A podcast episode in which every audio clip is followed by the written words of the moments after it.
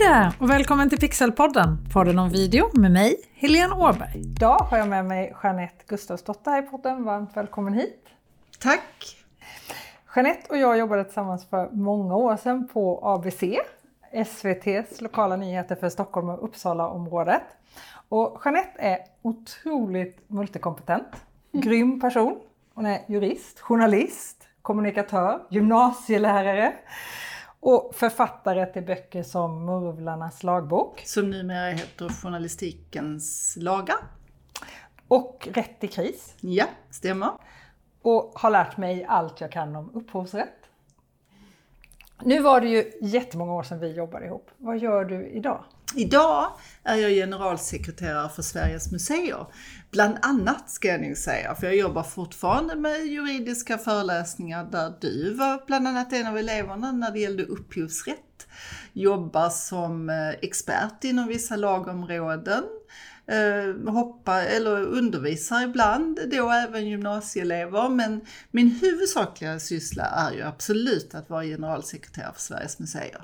Och vad gör Sveriges museer? Sveriges museer är en branschorganisation som företräder Sveriges museer. och då kan man ju tänka så här, ja men företräder man alla? Nej, det gör vi ju inte, utan det finns faktiskt 1600 museum i Sverige. De som är medlemmar där jag jobbar, det är större museer. Det är allt från till exempel Nordiska museet, Kulturen i Lund. Väldigt, väldigt blandat. Men jag skulle kunna säga alla museum som du känner igen, Hasse och Tages museum i Tummelilla, de är medlemmar där jag jobbar. Spännande. Mm. Alltså, det finns ju jättemycket som jag skulle vilja prata med dig om, men Idag tänkte jag att vi skulle fokusera på GDPR.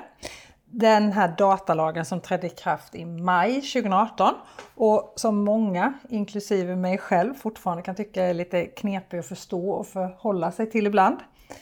Om vi tar det från början, vad innebär GDPR? Varför har vi den lagen?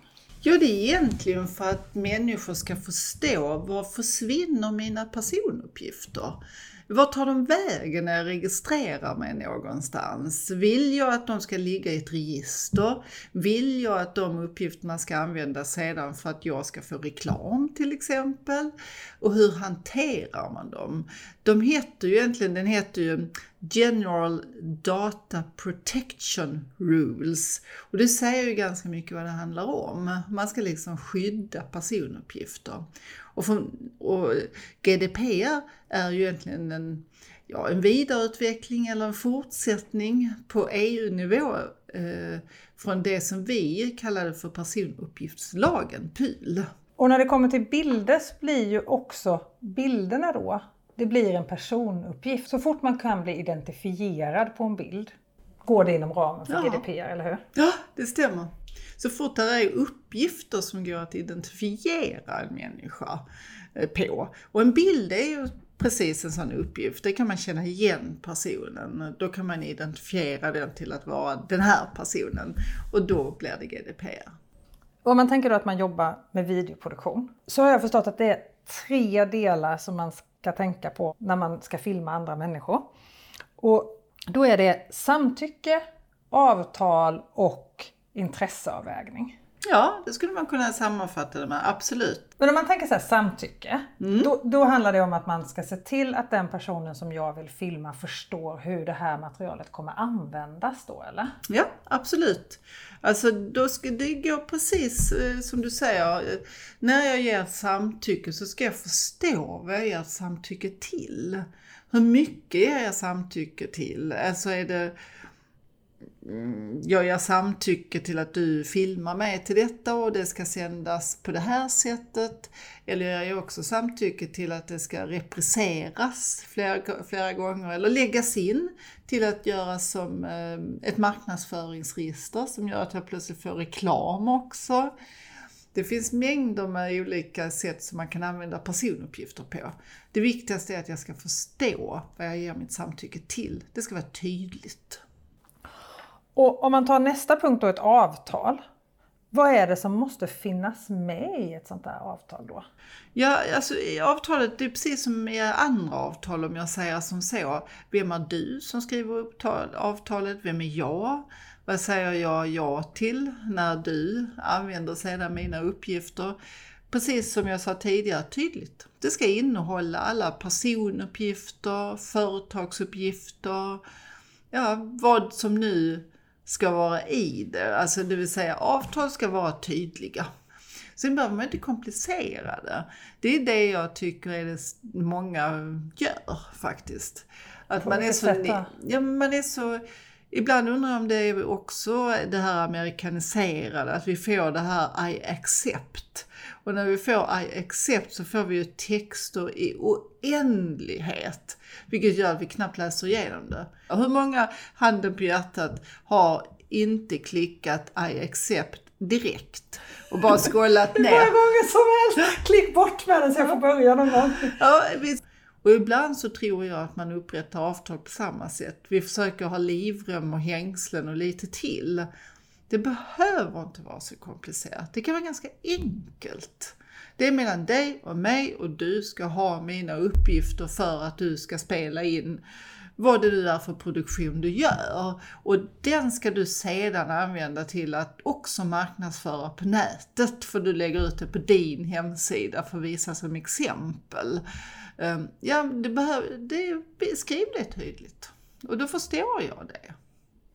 Eh, och då kanske du dessutom säger att du skulle vara okej okay att jag också lägger in dina personuppgifter i mitt register så att jag sedan kan kontakta dig eh, ja, då kanske jag säger absolut. Eh, men då måste jag också veta om du ska använda de personuppgifterna till någonting annat. Så det är liksom, fundera igenom, vad ska jag ha dem till? Uteslut det som du inte ska ha, alltså var tydlig med att det du inte ska ha dem till. Um, och sen ibland ställa följdfrågan, tycker jag, till den man upprättat avtal med. Förstod du? Ja, och det blir ju jättesvårt med alla de här långa avtalen som du säger med massor med text som knappt är läsbart. Ja, precis. Och det kan jag förstå på ett sätt, framförallt när man jobbar med internationella avtal. Då blir det ju väldigt mycket hängslen och livrem. Och det är också på grund av att man kanske går in i andra, andra länders lagstiftning. Man går in på EU-regler, man går in på, om man gör med, med USA till exempel, ja då har de ju sin juridik. Och då de har ju jurister som älskar långa texter. Eh, och då tror jag att man lägger in väldigt mycket standardtext. Och det är egentligen för att utesluta. Eh, om vi blir ovänner, var ska vi träffas då till exempel? Men jag tänker så att om jag, om jag eh, ska filma på ett event till exempel mm. och det är massor med folk där. Måste jag då ha ett skriftligt avtal som alla skriver på eller kan jag filma det här godkännandet? Eller blir det ett moment 22 att för att filma ett godkännande så måste jag ha ett avtal? För annars får det inte finnas på filmen. alltså det där är ju också, det kan man också fundera på. Ja men vi säger att du filmar på eh, Ja men vi kan ju ta där du brukar filma i normalfallet, Nobelfesten. Du är på Nobelfesten och gör ett inslag och då sveper du över alla som är där. Måste du ha ditt tillstånd från alla de som är med där? Nej, det måste du ju inte. De förstår ju när de går in där att mm, jag är med på Nobelfesten. Med all sannolikhet kommer jag att bli filmad. Många, många event har ju så här som när man anmäler sig till någon tävling eller du anmäler dig och köper biljetter till något event och så, så står det ofta så här genom att anmäla dig här så godkänner du att ditt namn och din mailadress finns i vår databas och att du kan kunna synas på bilder och video från det här eventet. Räcker det då? Ja, då behöver du, sen kan du gå runt och filma där inne hur, egentligen och intervjua och använda då för att marknadsföra olika saker. Egentligen då som företagare så kan du då använda, eller en kommun om man har en eh, festival och så när man har köpt biljetter till festivalen så står den här texten på. Och då kan kommunen till sin hemsida till exempel, gå ut och filma folk och intervjua dem där. Ja, om det klart och tydligt framgår på den här biljetten vad du säger ja till. Eh, är det liksom att ja, men jag skriver på eh, jag ska gå på konsert eller ett event på kommunen och så klickar jag att man kan använda mina uppgifter sedan i kommunens register på något sätt. Men sedan säljer de det sedan till ett marknadsföringsregister eller till ett annat bolag som sedan kommer att använda det till att uh, sälja in produkter på mig som jag inte är ett dugg intresserad av. Ja, då har man gått för långt. Då har man sträckt ut det för långt. Det gäller att det inte blir för luddigt. Mm.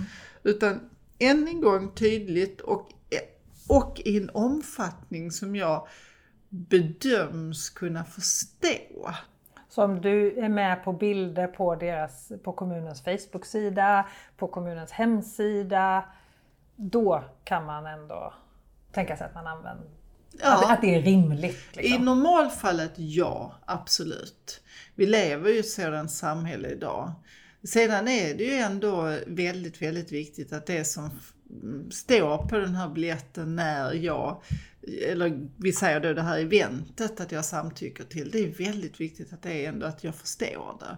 Vi säger sådana som till exempel lever under skyddad identitet det är ju, alltså, de här reglerna är ju till för att skydda oss, alltså enskilda personer. Samtidigt så ska de ju inte stoppa ett samhälle från utveckling. Det är ju den här kombinationen som alltid är svår. Man brukar säga att det är EUs integritetsspöke som läggs som en våt filt över när det kommer sådana här nya lagstiftningar. Det vill säga att till sist vågar man inte göra någonting som företag. För det blir liksom, ja men oj, kan jag nu eh, eh, kränka den här personen eller kan den plötsligt anmäla mig för att jag använder detta i min marknadsföring sedan? Eh, ja, den rädslan finns ju alltid, men det här är ju en balansgång. För det är ju inte som så att man vill att lagstiftningen ska begränsa samhällets utveckling eller det här eventet från att kunna marknadsföra sig. Så tänk efter, är detta rimligt att detta visas? Ja, då är det rimligt. Gå oftast på magkänslan. Men var tydlig med det man säger ja till. För har man, som jag sa, till exempel skyddad identitet, så det är klart att inte det ska komma ut. Men om jag går ner på stan här nu, som Stockholm Pixel House och ställer frågor om eh, Jobbar du med video i sociala medier? Behöver jag då ha med mig ett avtal eller räcker det att de på filmen, godkänner du att eh, jag använder det här på Facebook och eh, på min hemsida? Det räcker. Alltså muntliga avtal är ju lika gällande som skriftliga avtal. Problemet med det dock är ju, vad händer sedan om man blir oense om det man har kommit överens om? Men jag tänker, då har jag det på film. Mm, ja, då är det inga problem. Om jag liksom bör, innan ja. jag ställer frågan, mm. hej vad heter du? Eh, är det okej okay att jag använder det här på det här sättet? Ja. Ja, okej okay då. Då är det utan tvekan ska det vara tillräckligt. Sen är det ju så här att om man nu ska vara lite luddig där så det är klart att all teknisk bevisning kan ju klippas. Förstår du vad jag menar? Ni som är proffs i den här branschen kan ju redigera så någonting som inte är sanning plötsligt ser ut att vara sanning. Vad gör vi med AI möjligheterna som finns idag, det vill säga att man lägger in en röst kombinerat till en annan annans ansikte och så ser det ut som att, eh, det finns ju en sån här eh, film som visar att eh, Barack Obama säger saker fast han inte alls säger det utan det är en, en annan person som eh, pratar in detta. Men med den här nya AI-tekniken så gör man att hela face-inkänningen känner in rösten och andra saker. Ja, det gör ju att plötsligt det som är teknisk bevisning kanske inte kommer att fungera framöver för man, kan, man känner inte tillräckligt tilltro till det i rättssystemet. Men än så länge, absolut, spela in tydligt, säg tydligt vad den personen ska vara med i så kommer detta att fungera bra. För det jag tänker är att ett flersidigt avtal, om inte det är påskrivet på varje sida då, så skulle det kunna ändras också. Ja, ja. Det landar någonstans i att det måste vara inom rimlighetens gränser. Det får inte vara helt orimligt. Det går inte att ha med sig en hel bibba A4 mm, utskrivna handlingar när du ska intervjua en person på stan eh, när man gör en inspelning. Utan gör det enkelt, gör det tydligt så kommer det räcka. Men sen, då är det ju intresseavvägningen kvar då av de här tre samtycke, avtal, intresseavvägning. Vad är intresseavvägning? Ja, det innebär ju faktiskt att man kan registrera uppgifter utan samtycke. Vi har pratat ganska okay. mycket om att vi måste ha samtycke från en enskild person för att en, ens uppgifter ska kunna registreras. Och så plötsligt har vi någonting som heter intresseavvägning, det vill säga att registreringen är viktigare än en persons samtycke mycket. Eh, och då Det är då man ska titta så här, när är, behövs det? Eller rättare sagt, när kan man använda sig av det? Och det kan ju vara till exempel en stor statlig, eller rättare sagt en stor koncern. Vi säger en stor koncern med otroligt mycket personuppgifter på anställda. Eh, och då behöver man kanske föra över alla de här anställdas uppgifter till någonting som man har nytta av. Alltså Eh, för att förhindra eh, lönebedrägeri, alltså bedrägeri av de anställda. Eh, för att se vad deras uppgifter används till. Eller för att kunna, ehm, ja men framförallt, vi säger förhindra bedrägeri på olika sätt. Du är en stor eh, koncern som har mängder med anställda och så behöver du föra över de här anställdas uppgifter i ett system som gör att du mer säkerställer att uppgifter om de anställda eller till de anställda inte används i syfte som sedan skulle kunna missbrukas eller att de anställda själv gör saker som på, något, sätt skulle kunna äventyra deras verksamhet. Ja, det är ju framförallt då man kan göra en sån här intresseavvägning. Du är det är väldigt sällan när du gör film och video med andra ord? Väldigt sällan. Det här, det här um, har man ju lagt in för att uh, framförallt stora, stora koncerner med väldigt många anställda ska kunna använda personuppgifter på de som då framförallt är anställda inom koncernen utan att behöva fråga varje gång du gör en ändring. Men det är också, det är också som så att ändringen ska vara så pass viktig för mig. Det här ska vara bättre för mig. Eller görs för att man ska verkligen kunna skydda ett väldigt starkt skyddsintresse. Men framförallt så är det ju för att det ska vara smidigt. Det finns inga regler utan undantag. Sen finns det ju andra undantag och det är konstnärligt och journalistiskt. Är inte alla bilder konstnärliga på ett sätt? ja, det kan man faktiskt tycka. Med, och, det, och det där är en jätteintressant uh, aspekt som du lyfter. För det, om man skulle titta på upphovsrätten så skulle man kunna säga att allt får upphovsrättsligt skydd som skapas.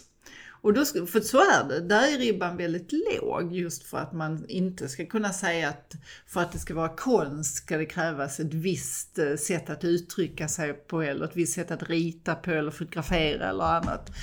Nej, vad är konstnärligt och vad är um, journalistiskt? Det är lite grann ett konstnärligt verk eller ett litterärt verk. Det krävs mer. Allt är inte konstnärligt. Det finns ju någonting som en gång i tiden i för många år sedan i upphovsrätten kallas för vykortsbilder. De fick inte skydd. Man skulle kunna ta samma tankesätt där, det vill säga enklare, där det inte har krävts något arbete för att bli konstnärligt, är sådant som inte går in under konstnärligt eller journalistiskt, utan det är enklare saker. Men om jag då bär med mig en massa lampor och ljussätter någonting, till exempel, då har det krävts ett arbete. Eller var går gränsen? Vem bedömer att det är snyggt nog att vara konstnärlig? Ja, det är jättesvårt att säga, men eh, det krävs ju mer bakom det. Det ska inte vara det, utan det är ju mer det du ser som man får titta på, inte hur mycket jobb du har gjort bakom. För då kan ju vara väldigt mycket vara konstnärligt för att du har slitit väldigt mycket mm. innan. Eh, utan det handlar ju mycket mer om att man ska, när man tittar på undantag så tittar man ju mycket mer på mm, så, och nu går jag in i det här tråkiga juridiska tänket och går in på upphovsrätten igen. Verkshöjd. Det ska krävas. Ja, det ska krävas alltså originellt, särpräglat, individuellt. Det är mycket mer sådana ingredienser som man tittar på. Och för att kunna hävda att det är ett journalistiskt material, måste du ha ett utgivartillstånd då? Eller vara klassad att bedriva, som det heter, publicistisk verksamhet? Ja, det gör det ju enklare för att om man har registrerat ansvarig utgivare antingen hos PRV när det gäller tidning eller hos Myndigheten för press, radio och TV när det gäller allt annat. Det vill säga rörlig bild, podd, hemsida. Ja, då kan du se att den är en ansvarig utgivare bakom detta verket som ska ge ut någonting, publicera någonting. De är oftast publicister. Men om man inte har gjort det då? Om jag har eh, grundat en eh, webbtidning och jag har gjort allting men jag har glömt registrera ansvarig utgivare och så gör jag en stor journalistisk nyhet. Kan jag då bli anmäld för brott mot GDPR? Om du publicerar detta så kommer jag anmäla det för brott mot GDPR. Nej, med all sannolikhet inte. För då kommer man titta på den här publiceringen, man kommer säga att Ja, men det här är ganska tydligt att det här är för ett journalistiskt ändamål. Vi kan se här att detta är en journalistisk produkt. All, alltså, det krävs inte för att man ska vara en publicistisk produkt så måste man vara registrerad på korrekt sätt. Men det gör det enklare så att jag skulle vilja rekommendera alla att jobbar man med journalistisk verksamhet, se till att följa reglerna och registrera ansvarig utgivare. Det går inte bara att skriva någonting på Facebook och säga att det var en journalistisk verksamhet, för det är det inte. Utan då skulle man bli fälld mot GDPR. Men de allra flesta som lyssnar på de här, den här podden är ju egenföretagare eller marknadsförare, kommunikatörer på större företag. De kommer ju inte kunna använda det här journalistiska undantaget för av GDPR. Nej, de skulle jag verkligen säga till, var tydliga, ta in samtycke. Och det skulle jag verkligen vilja säga som tips. Titta på Datainspektionens alltså, eh, råd. Eh, på Datainspektionen, man kan säga mycket om myndigheter. Många gånger så tycker man att de skriver komplicerat och att det är svårt att ta till sig. Men om man tittar på Datainspektionens hemsida så har de väldigt bra och tydliga regler vad gäller för privatperson, vad gäller för myndig, eller vad säger för företag. Och då kan man lätt gå in och titta på deras checklistor till exempel. Vad, vad, behövs för att jag ska kunna eh, uppfylla GDPR? Så jag brukar alltid säga, titta på Datainspektionens, gå in där, klicka, vad vill du veta som privatperson när det gäller GDPR? Men vad vill du veta som företag? De har bra, tydliga riktlinjer. För visst är det så att även en privatperson kan drabbas av GDPR när man publicerar till exempel en bild på Instagram eller på LinkedIn som privatperson om du har en stor följarskara. Så är det, absolut. Det går inte att skydda sig med att man är privatperson. Utan GDP är ju till för att skydda just eh, större spridning. Så att om jag har 20 kompisar som eh, kommer åt den här bilden på Instagram. Så att jag har ett privat konto på Instagram där det är 20 personer som följer mig. Då kanske jag skulle komma undan. Men inte om jag har tusen följare på Instagram, då går det inte. Nej, alltså man tittar ju mycket på sådant och man tittar ju också om alla har, um, om du har det öppet som, så att alla kan se det du publicerar. Uh, då är det större risk att du fälls för det än om du har det verkligen stängt och du verkligen väljer vem som ska få lov att följa dig och du har kommunicerat med. Men om du har det öppet för många, då kan du inte luta dig på det. Alltså jag är privatperson? Nej. Men om jag fälls då? För att om jag fälls som företagare, det är ganska stora böter, 4% av verksam, oms, företagets omsättning. Väldigt stora belopp, ja. Men som privatperson? Nej, det skulle jag inte säga. Utan, eh, och, och framförallt inte om du blir fälld i Sverige. Skulle du bli fälld i USA, då, skulle, då kan jag inte gå garantera att det skulle vara rimligt om jag säger som så. Men i Sverige har vi ju en rättssäkerhet på så sätt att man kan klara en fällning. Man kommer med all sannolikhet få dagsböter eh, beroende på hur pass grovt det är såklart. Men jag skulle nog säga att man skulle bli dagsböter. Som privatperson? Ja. Men det är ändå ganska hårda böter som företagare? Som företagare, absolut. Och det gäller ju även enmansföretag då? Ja. Och där gäller reglerna likadant om det skulle vara en enskild firma eller ett aktiebolag? Det spelar egentligen ingen roll? Det spelar egentligen ingen roll, nej. Har det varit många fällningar i Sverige sen GDPR kom nu för två och ett halvt år sedan? Det är en väldigt relevant fråga, den kan jag faktiskt inte svara på. Men jag kan säga som så, det har varit fällningar ja, men de har inte varit så pass många eller stora så att man går och tänker oj oj oj, det här blev ett stort flöde eller något stort uppmärksammat. Nej, det skulle jag inte säga att det har varit. För det har ju varit ganska tyst i så fall om de rättegångarna som har varit. Ja, och det är ju så här ska jag nog säga, precis som för många andra när det gäller avtalsbrott. För detta blir ju som sagt var, syvende och sist så blir det ju en form av avtalsbrott. Jag har inte förstått vad mitt samtycke gavs till eller någon har använt det i marknadsföringssammanhang på ett sätt som inte den personen känner att eh, där det vill inte jag bli använd eller utnyttjad av. Det är nog de farhågorna som finns. Att man har blivit uthängd eller kränkt, det har jag inte det, nej, det kan jag inte dra i minnet att jag har på något sätt tagit del av. Eh, många gånger när sånt här blir en twist så gör man ju upp det godo. Och därför blir det också som så att då är, det då är det ganska vanligt att man inte ser att det har blivit många fällningar till exempel. Utan man kanske har gått, gjort upp till godo. Att du, det där var inte okej. Okay. Jag vill att du tar bort det och jag vill ha skadestånd för det. Och då kanske det för ett företag är mer förmånligt att göra upp i godo än att man drar det rättsligt. Ja. Men om jag då, säg att jag då får ett uppdrag att jag ska göra video åt en kund Alltså, du kommer till mig från Sveriges museer och säger så här. Eh, jag som generalsekreterare på Sveriges museer vill att du gör en film om mig. Och jag ska använda den sen på hemsida och Facebook och så här. Så ska jag filma dig. Måste, och så ska jag redigera det. Och normalt sett så skulle jag ju ha det i mitt arkiv också. Hemma sen. Mm. Eller på företaget. Mm. Behöver jag ha ett GDPR-avtal med dig då? För att jag filmar ju dig och sen finns du i mitt arkiv? Det var en väldigt bra fråga. Ja, det tycker jag att du ska ha. För då plötsligt blir det ju mina personuppgifter som, handlar, som hamnar i ditt register. Så att där skulle jag nog säga, ja, upprätta ett GDPR-avtal mellan er som parter också. För då kan du lätt arkivera uppgifterna om mig eh, som du får genom att vi gör det här affärsavtalet utan att vara bekymrad för att du bryter mot GDPR. Och hur länge får jag då arkivera den här filmen? Ja, så det är ju egentligen, ja då skulle jag vilja säga att du får lov att arkivera den länge. Det beror på vad ni kommer överens om. Det finns ju någonting som heter gallringsuppgifter. Det finns ju också någonting som heter att man ska ta bort uppgifter om, om den som ger samtycke ändrar sig. Det ska man göra. Men hur länge kan du ha det? Ja, det kan jag inte säga att det finns någon tidsänd så. Det är i så fall om man skulle av andra skäl skulle titta i arkivlaget eller annat. Nej, jag kan inte säga att det finns något slutdatum till det. Nej.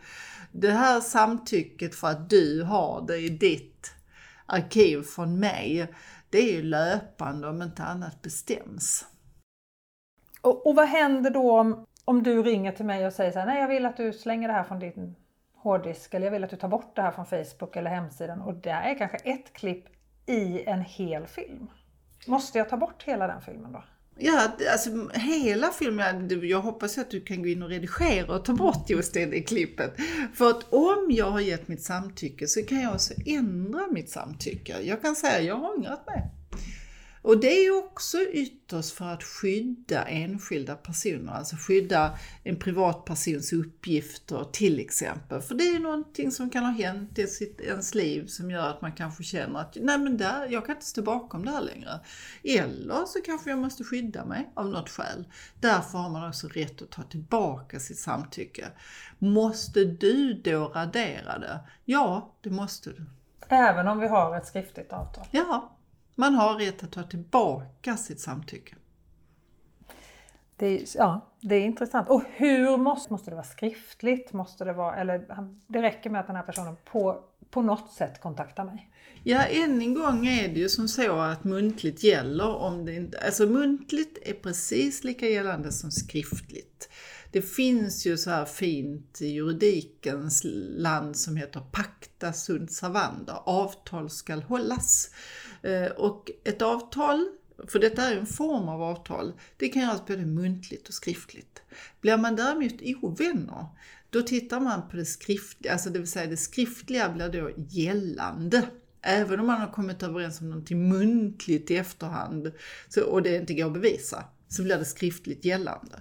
Men finns inte skriftligt så gäller det muntliga precis likadant. Och det gör ju precis på samma sätt att om någon hör av sig, om man är tydlig med att nu har det ändrat sig eller jag vill att det ska försvinna. För det kan finnas ett eh, välgrundat skäl till det, så ska man ha rätt till det. Ta nu det här poddavsnittet. Mm.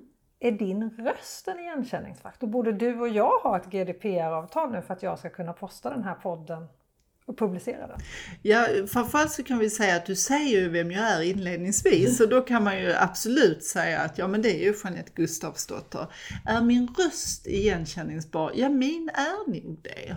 Jag, jag har en så pass tydlig dialekt. Ja.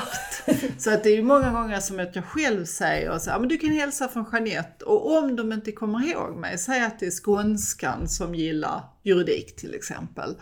Ja, och då hör man då att ja, men här är någon som pratar om juridik och pratar skånska. Ja, men det kan vara Jeanette. Så det skulle kunna vara, men i normalfallet så kan ju en, svår, en röst vara svårt att identifiera. Men om det är en röst som går att identifiera, ja då är det GDPR som gäller. Så du och jag borde ha ett GDPR-avtal innan jag publicerar det här. Eller egentligen redan nu när jag har spelat in det här, för nu ska jag ju hantera dina, dina personuppgifter då. Ja, egentligen på ett sätt så det har du faktiskt rätt i. För det finns ju lite grann, det finns ju faktiskt en sån här checklista som man kan ge som råd innan du ska spela in den här så ska du tänka så här, men jag bestämmer ändamålet. Vad ska jag ha Jeanettes uppgifter till? Vilka personuppgifter ska jag använda dem i så fall? Och i vilket syfte ska jag använda dem i? Eh, Och då ska man gå igenom också varför, vilken rättslig grund är detta till? Och då kan man ju se hamnade inom GDPR eller inte till exempel. Och sen ska man vara jättenoga med att informera som vi pratade om tidigare. Men då ska du informera mig tidigare. Du, nu har jag ju dina uppgifter här, de kommer jag att lägga ut på det här stället. Och sedan tror jag att jag också kommer att använda det till att marknadsföra mina utbildningar. Är det okej okay för dig? Det är också väldigt bra att vi kommer överens om. Nu känner jag mig ändå så pass trygg så jag tror inte du kommer att använda dem till de grejerna. Och om du gör det så kanske jag tycker det är jättekul. Men skulle, för då känner jag att då blir jag marknadsförd själv. Därför går det oftast väldigt bra. Men skulle jag inte känna det och jag säger att du ska radera dem, då måste du göra det. Får jag alltid en chans att ta bort det innan jag kan bli anmäld och fälld för det? Du har ju, för det första krävs det att du måste publicera det först. Ja. För att jag ska kunna se Ja. att det har kommit på ett felaktigt sätt än vad jag har trott. Eh, kommer- Kan jag då gå och anmäla dig direkt? Ja, det kan jag ju. Absolut. Däremot som du tar bort det direkt så är det ju sedan svårt att driva det rättsligt. Då måste jag själv nästan ha sparat det för att kunna driva det. Men visst kan man göra en polisanmälning utan att man kontaktar den man Ja. Men jag tänkte polisanmäler. att du var tvungen att säga upp samtycket innan du gör en polisanmälning. Har du en gång gett det så måste du det innan du kan göra en polisanmälan Ja, kanske? har jag gett eh, samtycket då måste jag säga upp samtycket först innan jag gör polisanmälan. Har jag inte gett samtycke, ja då ska jag kunna göra polisanmälan direkt. Men det här med samtycke, kan jag fråga barn om samtycke? Och det är ju en väldigt bra fråga för att alltså, vad man säger, det fanns tidigare en tumregel att var de under 15 år så skulle man ha föräldrarnas samtycke eller rättare sagt vårdnadshavarnas samtycke. Alltså de behöver inte vara myndiga alltså? Nej, det behöver de faktiskt inte. Och det man tittar på, det är hur pass moget är barnet? Hur pass, alltså, upplever man att det här förstår barnet, eh, att den ska vara med i den här inspelningen. Den har en mognad som gör att man upplever att eh, ja, men det finns ingen tvekan. Eh, då behöver man inte tillstånd från föräldrarna. Men däremot så är det minsta lilla tveksamhet, ta tillstånd från föräldrarna. Så det kan faktiskt i, i praktiken vara så att om du intervjuar två kompisar så kan den ena vara helt okej och den andra faktiskt inte. För den andra hade lite mindre mognad i att förstå det här. Ja, så är det verkligen. Så om vi sammanfattar hela det här poddavsnittet nu. Vad ska man tänka på när det gäller GDP innan jag går ut och filmar någonting nu då? Ja, det du först ska börja tänka på tycker jag, det är just det här med samtycke. Hur gör du det på bästa sätt? Det vill säga på det tydligaste sättet. Och det är någonting som du ändå ska ha med dig. Ja, men det kanske ska vara så som du har sagt. Men jag spelar in det på filmen. Ge, kan, ger du ditt samtycke till mig att da da da da? Ja, det kanske räcker. Annars tänk igenom det. Tänk på hur du tar in samtycket och hur du sedan använder de uppgifterna. Det andra är informera mottagaren. Vem är du? Vad ska du ha det till? Det är ju mottagaren som då kommer till att bli trygg med att den har förstått vad man har uppgifterna till. Kommunicera tydligt, det är verkligen A och O. Och det har vi varit inne på några gånger, att man hela tiden är tydlig och att du har ordning och reda i dina rutiner. Inte slarvigt uppställda register, inte slarvigt eh, intagna samtycke utan ordning och reda i rutinerna och se till att gallra när sådant som är inaktuellt är inaktuellt. Ja, det, jag kan tycka att det ändå är otroligt viktigt att poängtera att även om det ställer till med en hel del extraarbete för många av oss och problem sådär, eller man kan känna så i alla fall, så finns ju den här lagen för att skydda oss individer, för att skydda dig och mig, för att skydda Jeanette och Helene. Absolut, så är det ju. Man kan ju tänka sig själv om vi skulle våra uppgifter. Tänk alla gånger vi klickar, tänk alla gånger vi är inne och läser på någonting eller skriver någonting. Tänk om man skulle kunna ta de uppgifterna och göra vad man vill med dem. Det vill vi ju inte.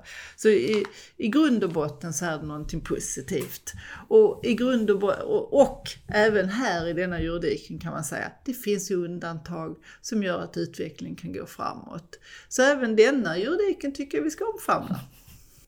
Juridikälskaren Jeanette Gustafsdotter. Om jag är intresserad av de här frågorna nu, har du några tips på konton att följa i sociala medier eller sidor som förklarar så vi som inte har läst juridik också förstår? Ja, det är verkligen Datainspektionens hemsida när det gäller GDPR. Jag tycker ändå de ska ha en eloge för att de gör det en tydligt och det är konkret. Gå in och titta där så kommer ni ta med er många bra goda råd. Och var hittar man dig om man vill få mer av dig? Ja, jag har ju förmånen, eller inte förmånen, att ha ett sådant namn så att det är alltid väldigt lätt att hitta mig. Man kan söka på Jeanette Gustafsdotter så brukar man alltid hitta mig. Men annars går det att leta upp mig på LinkedIn. Där finns jag tillgänglig och det går bra att skriva meddelande eller frågor till mig. Tack snälla för att du ville vara med och dela med dig av alla dina kunskaper här. Och du är alltid lika bra på att förklara så att man verkligen förstår på riktigt. Och tack till dig som har lyssnat. Vi hörs nästa vecka igen. Ha det så bra till dess. Hej då!